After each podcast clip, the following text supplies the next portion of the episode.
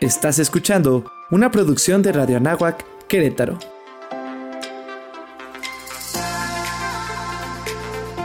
Amplía tu sentido.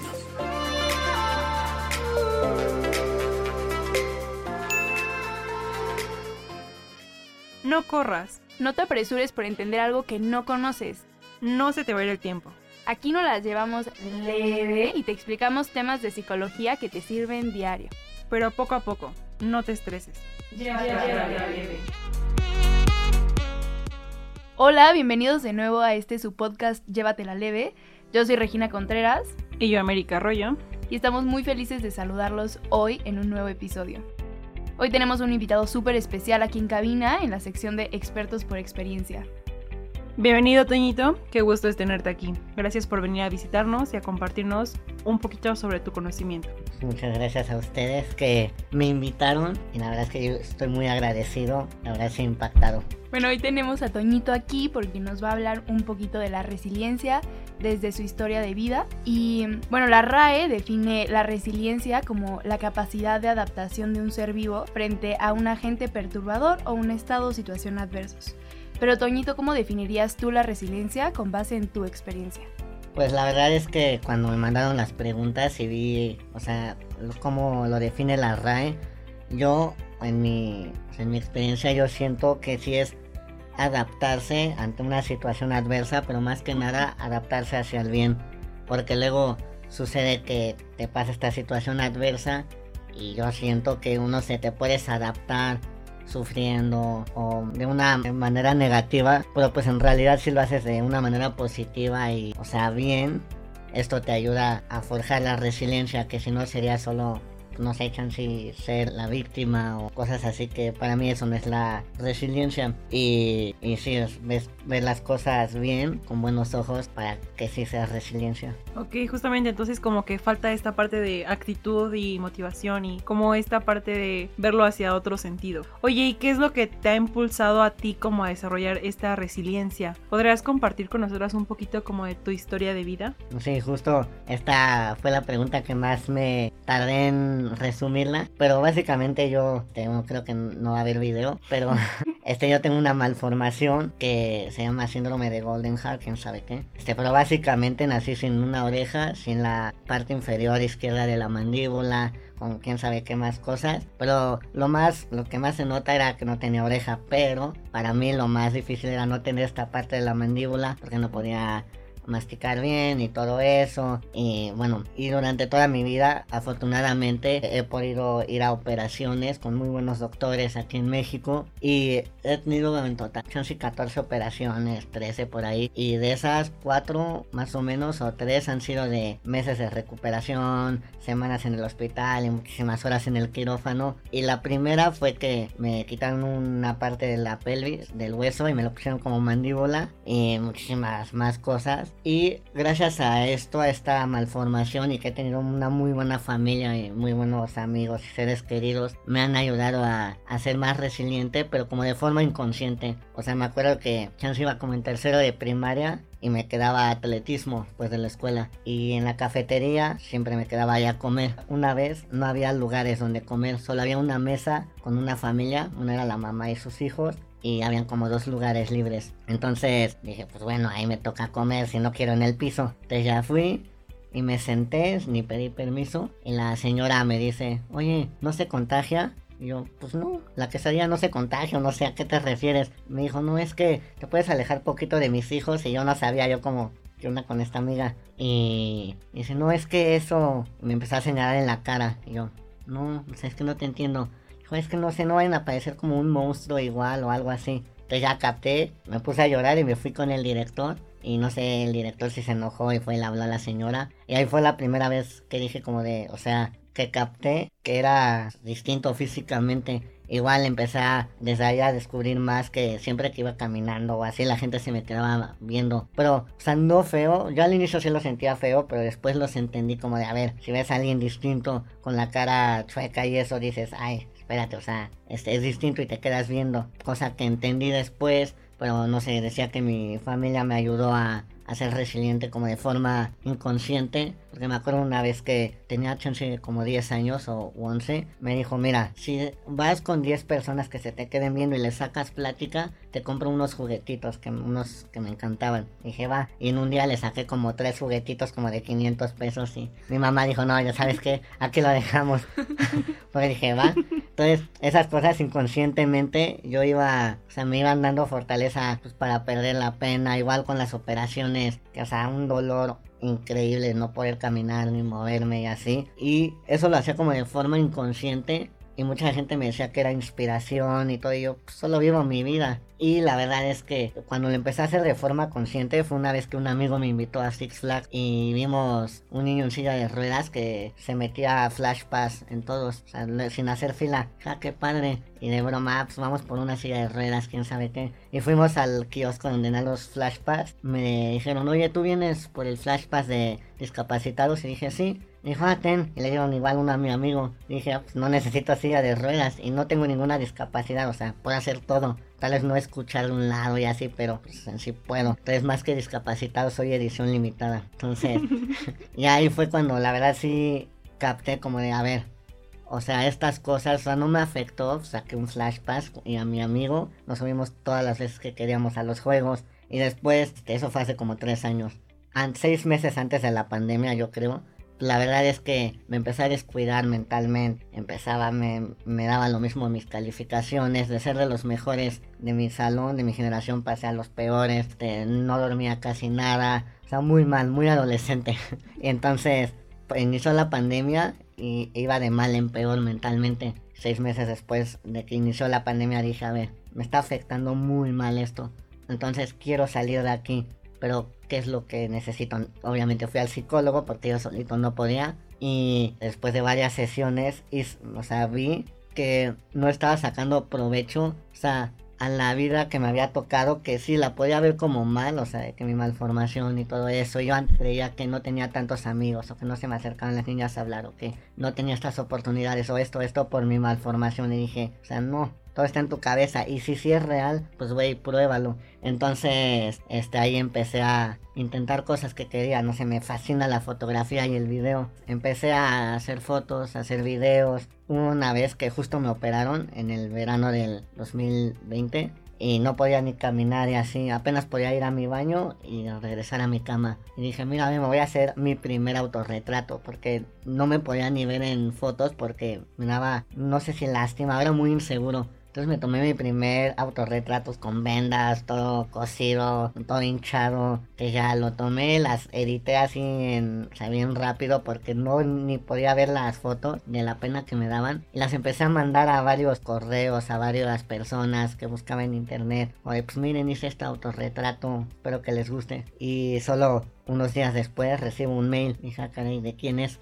Veo era de Vogue Italia, que oye, nos gustó, quién sabe qué, nos gustaría ponerlas en nuestro portafolio. Y yo, pues adelante, ¿quién soy yo para decir que no? Y ahí dije, a ver, literalmente, sea, lo que creías que era, o sea, yo, mi debilidad, mi inseguridad, o sea, es todo lo contrario. Depende de cómo lo veas. O sea, en la primera pregunta decían que, o sea, yo como veía la resiliencia es adaptarse al cambio hacia el bien. Porque aquí fácil puede haber seguido con la mentalidad de no, es que yo pobrecito, que me cuiden, tal, tal. Pero ahí fue cuando dije, o sea, te pones a perseguir lo que quieres, vas a conseguir, o sea, tal vez no el objetivo final que sea algo muy imposible, pero sí te van a ir saliendo varias como resultados que nunca ibas a pensar. Y ya en base a eso empecé a... Hay un canal de YouTube que me fascina, Yes Theory, que su lema es como Seek Discomfort, salir de tu zona de confort. Y dije, pues mira, lo voy a hacer. Y empecé a hacer cosas, intentar, intentar, intentar, a decir más, a decir sí más seguido, obviamente, sin que mi vida corriera peligro. Intentar cosas, o sea, decir, a ver, ¿qué es lo peor que me puede pasar? Si no es morir, lo voy a intentar. Empezaba a intentar, intentar, y ahí vi, o sea, mi inseguridad, que era mi malformación, que según no tenía amigos por mi malformación, que según no le gustaba a nadie por mi malformación. Problemas de adolescentes, pero ahora con mi malformación. Dije, o sea, son mentiras. Tú solito te hiciste la idea. Y de ahí fui intentando cosas que la verdad luego me pregunto por qué las hice. O sea, cosas muy raras. No sé, por ejemplo, llegué y dije, pues me gusta el stand-up. Me voy a subir. ¿Por qué? Porque sí. O sea, ¿por qué no? ¿Qué es lo peor que me puede pasar? Humillarme. Me puedo humillar. Y ya. Lo mejor que me puede pasar, pues me va bien y ya. Entonces ya me hice stand-up. Según eso me fue bastante bien y quiero tener esa idea.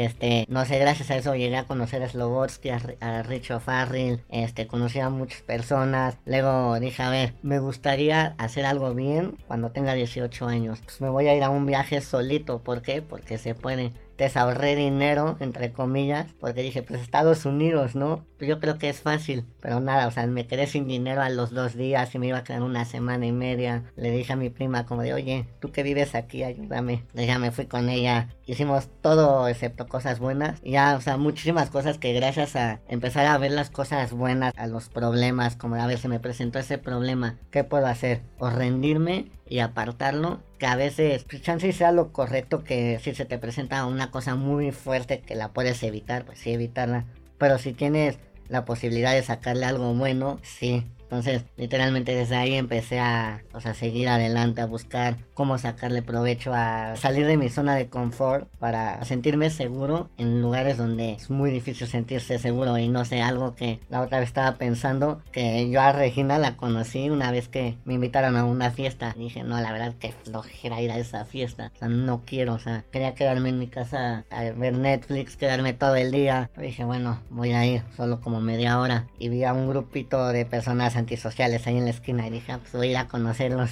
Ya los empecé a conocer y me dijeron, oye, que hay una fiesta este con un marrano, donde hay un marrano de mascota. Y dije, pues sí, digo, o sea, todo va mal, o sea, todo va, o sea, acabo de conocer a estas personas hace 30 minutos. Me acaban de decir que hay una fiesta con un cerdo, o sea, todo mal. Pero dije, pues sí, o sea, digo, esperemos que no me pase nada y si sí, conoce un marrano. Entonces, o sea, esas cosas son como por, o sea, es más fácil en ese caso quedarme en mi casa ver Netflix y hacer nada, al igual que en muchísimas oportunidades que se presentan es más fácil no dar el primer paso, ya sea por miedo, por inseguridades, por flojera o por cosas, pero al dar el primer paso se te presentan unas cosas que dices, o sea, de ninguna otra manera hubiera pasado esto. Entonces, este sí, esto fue un poco resumido, que me costó mucho trabajo. Estuve en la madrugada resumiendo como a ver, ok, estos puntos. Entonces sí. No, wow, o sea, creo que resumiste de una forma increíble como todas tus experiencias. Creo que desde frustración yo sentí empecé sintiendo como impotencia por, por, lo que te dijo la señora, después como tu red de apoyo, creo que tu red de apoyo hizo muchísimo, o sea, en este caso fue tu familia, y ya después como el cómo tú solito te empezaste como a agarrar de valor y aventurarte en todos lados, creo que eso es algo de admirarse. Sí, Toño, aparte está padrísimo la manera en la que cuentas la historia con cierta perspectiva que impacta como en nosotras, ¿no? O sea, que es como, pude sentir como vivimos la historia, ¿sabes? O sea, como que lo contaste de una manera en la que que nos impactaste muchísimo. Pero esto tengo una pregunta, o sea, con todo esto que te decía tu mamá de que, ah, si vas y le hablas a 10 personas, te compro un juguete y cosas así, ¿qué otras cosas o cómo es que lograste empezar a adaptarte a la adversidad? Este, pues la verdad es que así me costó muchísimo trabajo, muchísimos años, pero yo creo que chance y las personas que luego se me acercaban y me decían, no, es que eres una inspiración para mí, o la primera vez que sí me sacó muchísimo de onda que me impactó, eran personas que se me acercaban y me decían, oye, vi cómo vivías y vi esto y vi, o sea, gracias a ti me salvaste la vida porque estaba muy mal y te vi y todo eso. O sea, como de, o sea, literalmente solo por vivir mi vida, solo por tomar fotos que me gustan, solo por decir que sí más seguido, solo por subirme a hacer estando porque sí. O sea, estoy teniendo un impacto muy, muy grande. Entonces al final esa recompensa como el poder ayudar a los demás sin que yo lo quisiera, obviamente sí quiero, pero o sea, no era mi objetivo final, mi objetivo era pues, vivir mi vida según yo y estaba impactando más. Entonces esa recompensa era muchísimo más grande que cualquier cosa física o cualquier otra cosa que este, no me había dado cuenta la verdadera recompensa que es inspirar y también me fascina ser el centro de atención porque pues, no sé, o sea, mi mamá me, me enseñó así, bueno, mis papás, que mira, ve, si eres el centro de atención y te da lo mismo, ya te va a dar lo mismo que se te te queden viendo, que te pregunten esto, qué tal y tal. Entonces, yo creo que fue que me gustara ser el centro de atención y ver que podía inspirar personas y podía, o sea, ser algo más que un adolescente normal. Es una gran visión de la adversidad, Toño. De verdad creo que es como esto que mencionas de que el sentimiento de satisfacción es mayor como que el sentimiento de adversidad. Pienso personalmente que es como una manera excelente de poder adaptarte a la adversidad y como de poderle dar otra perspectiva que te permite integrar. Y, y sí, justamente, o sea, creo que esta visión que le estás dando a las cosas ah, puede motivar como inconscientemente, como lo mencionabas, ¿no? Porque muchas veces creo que a pesar de todo, estamos muy limitados como para lo que la gente puede llegar a decir, ¿no? Oye, y justo mencionabas como en un inicio que pues enfrentaste ciertas situaciones difíciles, tanto operaciones como miradas juzgonas y todo eso. ¿Cómo lo hacías tú para enfrentar estas situaciones? Pues, o sea, dependía de mí porque, o sea, siento que, no sé, es muy complicado. O sea, una mentalidad de, a ver, o sea, la única manera de que una persona pueda cambiar es que quiera cambiar. Porque si no, no importa cuánto le digas, cuánto esto, esto y esto, no va a cambiar. O sea, siempre por eso debe de estar la necesidad de cambiar. Y yo empecé a cambiar muy drásticamente cuando dije quiero cambiar, o sea, no me gusta la vida que estoy llevando, me estoy sintiendo, muy mal emocionalmente, no quiero caer en un problema mental, ya sea depresión o no sé, ansiedad o algo así. Y justo que mi mamá es psicóloga y me decía, mira, ve, si no sales de ahí, o sea, te puede pasar algo malo y salir de algo más difícil es más difícil. Entonces dije, mira, de mí depende, quiero cambiar, voy a hacer mi esfuerzo, o sea, imposible, cosa que digo que costó muchísimo trabajo, demasiado trabajo, y eso que aún no estaba en un nivel más difícil, pero pues ahora sí que para cambiar depende de ti. Oye, Toño, ¿tú crees que todos podamos ser resilientes ante una situación difícil? Este, sí, la verdad es que sí.